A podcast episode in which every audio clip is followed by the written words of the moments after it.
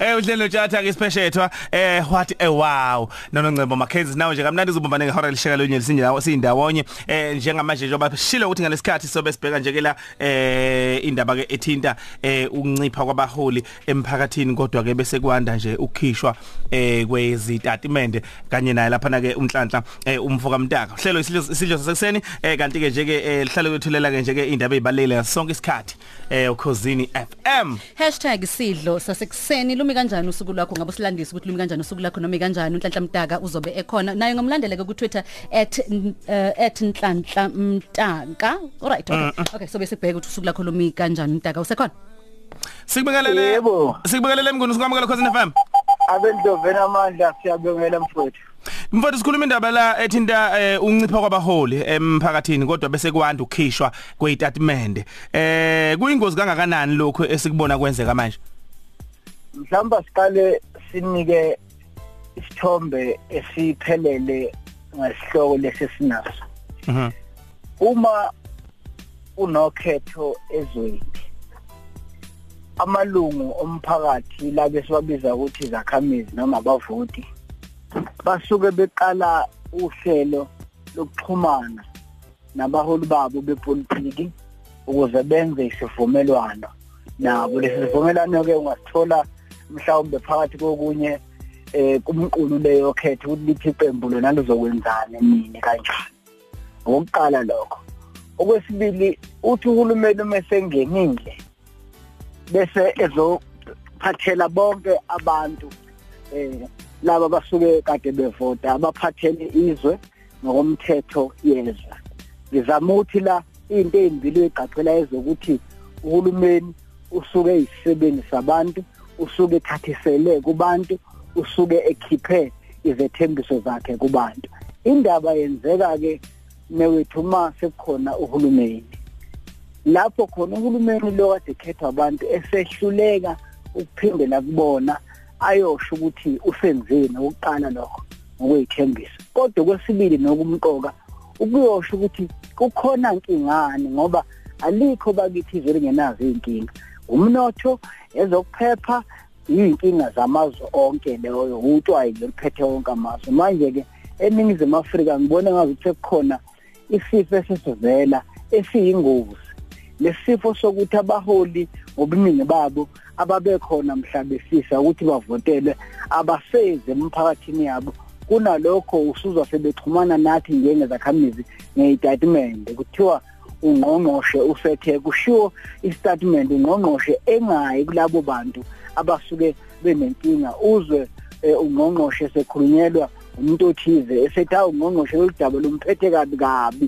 Akasezi ungqongqoshe sekhulumelwa ngabantu abathize. Lithi ke lami uma izwe selenza njalo liyifaka enkingeni yokuthi kube khona abahumusha inkinga ngendlela mhlawumbe engeyona obengathi kube ubuzile wena khansela wazoyichaza weza wena ngqongqoshe wazoyichaza mhlawumbe abantu bayizwa ngcono kodwa ngoba awusezi usuhola ngeyitatimende bakhona bazongena baye kulabo bantu bese besho into wena obungayichaza kangcono lithi ke lami ingozi leyo. Uhulumeni noma ngabe owasekhaya noma ngabe okwazolonke noma ngabe isifundaze ake bafunda abaholi bethu ukuthi babe nezinhlaka ezingcono zokuxhumana nabantu singaxhumani ngeyitatimende ngoba sinalokhu sinalokhilizisana nje emphakathini ingoba abaholi bethu asisabazi abebengasichazela mhlawumbe kangcono lento esiyibuka thina njengenkinga enkulu. Isibonelo nje alikho ihlazo ekuthenini uhulumeni wethu athi bantu baseningizimu Afrika imali ayikho ayikho tshati imali qiniso yilelo ngelinye ilanga uhulumeni wethu ngeke ayinyuse imali yempesheni. Kodwa ngoba uhulumeni ongafuni ukuxoxa nathi kusekude. Uyothi mhla esho njalo bese kugcwala abantu imigaqo bethi eh sekonakele. Kanti kubuye ixoxa ngithi bakithi sineyinkinga ezikanje kuthi kufika ilanga lokuthi umuntu ayiphimise sesikuthe ukuzwa nathi sayinambitha sayihlafuna saphinde samnika ukuthi nako wethu umbono. Asingaholi abantu ngejudgment. Kunjalo. Mhlambe sesiphetha nje mfowethu mtaka yini pho ezimbangela yaye yonke lento uma ngabe uyibheka wena njenge njengeso eh likangodi? Kubabili. Kokuqala uhlobo lwabantu abaqashwa kuthiwa bayolekelela kwezokuxhumana komasipala.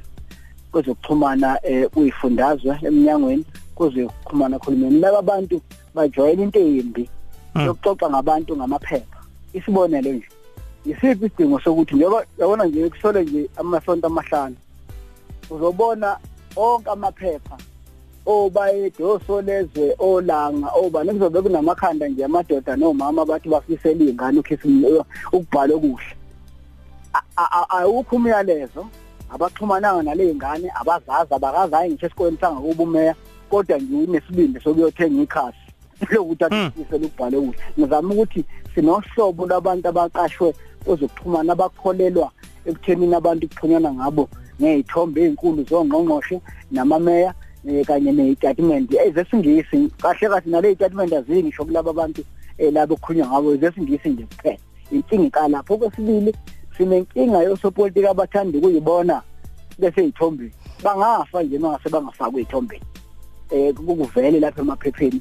Esikhundleni sokuthi ngabe kuvele udaba ngoba lapha emaphepheni ku- ku- kulula futhi akubizi imali ukuthi ungqongqoshe noma ikhansela liye endaweni lilandele izintatheli zibike ngokuthi ubeyile. Kunokuthi ayibhalele yena athi ubeyile. Kuyabiza ukuyibhalela ukuxhumana nathi okwendaba. Kulula ukuza kithi ngoba umuze kithi awukhokha imali ephepheni okokuqala lokho nasemsakazweni. Okwesibili umuze kithi sithola isithombe singcono nawe uthola ithuba lokuthi uchaze nathi usizwe ukuthi sisukaphi ngamafuphi inkinga ikubantu uhlobo lwabantu abaqashile abangakholelwa kuyeni kubantu abakholelwa ekukhokheni imali. Okwesibili unongqongqoshe abathanda ukubukwa eh khona emaphepheni bengayi kubantu. Asiyilungiseni lento njengoba ngisho nje zintathu izinto ezizokwenzeka mhlawumbe ngiqale ngeyodwa ngoba enye yokwenzeka ngesinye isikhathi. Uyabona lena ukuthi asinamo Mm. iqiniso ngoba izoshaya thina sonke. Kuzoba nenkinga kuphethiloli kube nenkinga eqeshenini kube nenkinga ezibhedlela kube nenkinga entweni eyenzeka ngalini. Isibonelo nje manje eh uhulumeni wethu uzama ngayo yonke indlela ukuthi alethele imali kodwa simuzwa ngaphandle khuluma echaza isimo ukuthi sibi kanganani akezi lapha kithi emakhadi bakithi ngelo mgaqo kungenzeka besithe uzoba iminyaka emibili kodwa ngenzeka ibe mithathu ngenxa yalesi zimo ukukhuluma ngaphandle akezi kuthina ingozi leyo. Okwesithathu eh engifuna ukuvala ngakho emfuthu iloko ukuthi uma uphuma lapha ngakini ngaphandle kunenkinga oyibonayo kunekhansela langakini zibuza ukuthi usuke waya kangaka ukuyolikhulumisa nje ukuthi lento kungani ibe nje? Nala liyibuza ukuthi selike leza kangakanani kini njengomphakathi ngoba umthetho uma usikutshena ngomthetho umthetho uyaphoqa ukuthi akuhlangane kuxoxe nabantu kangaki ngonyaka. Akukona ukuthi kuzocabanga umuntu athi ngizohlangana yini noma ngimhlangana umthetho uyaphoqa kodwa nathi bantu kufuneke siyifundise umthetho siwazi ukuze sikwazi ongamalungelo ethu ngoba singakusho konke ngabe ngosopolitiki abantu abamqoka kufanele kube bade umuntu ithina njengezakhamuzi. Ingakho kumqoka ukuthi nathi siyazi umthetho sisekelo wethu siyazi nemithetho yezwe ukuze sikwazi ukusebenzisana kahle nalabaholi bethu. Mfowona majalman siyabonga kakhulu mfowethu ngesikhathi sakho. Hlala kwento ozokhuluma nawe. Siyabonga.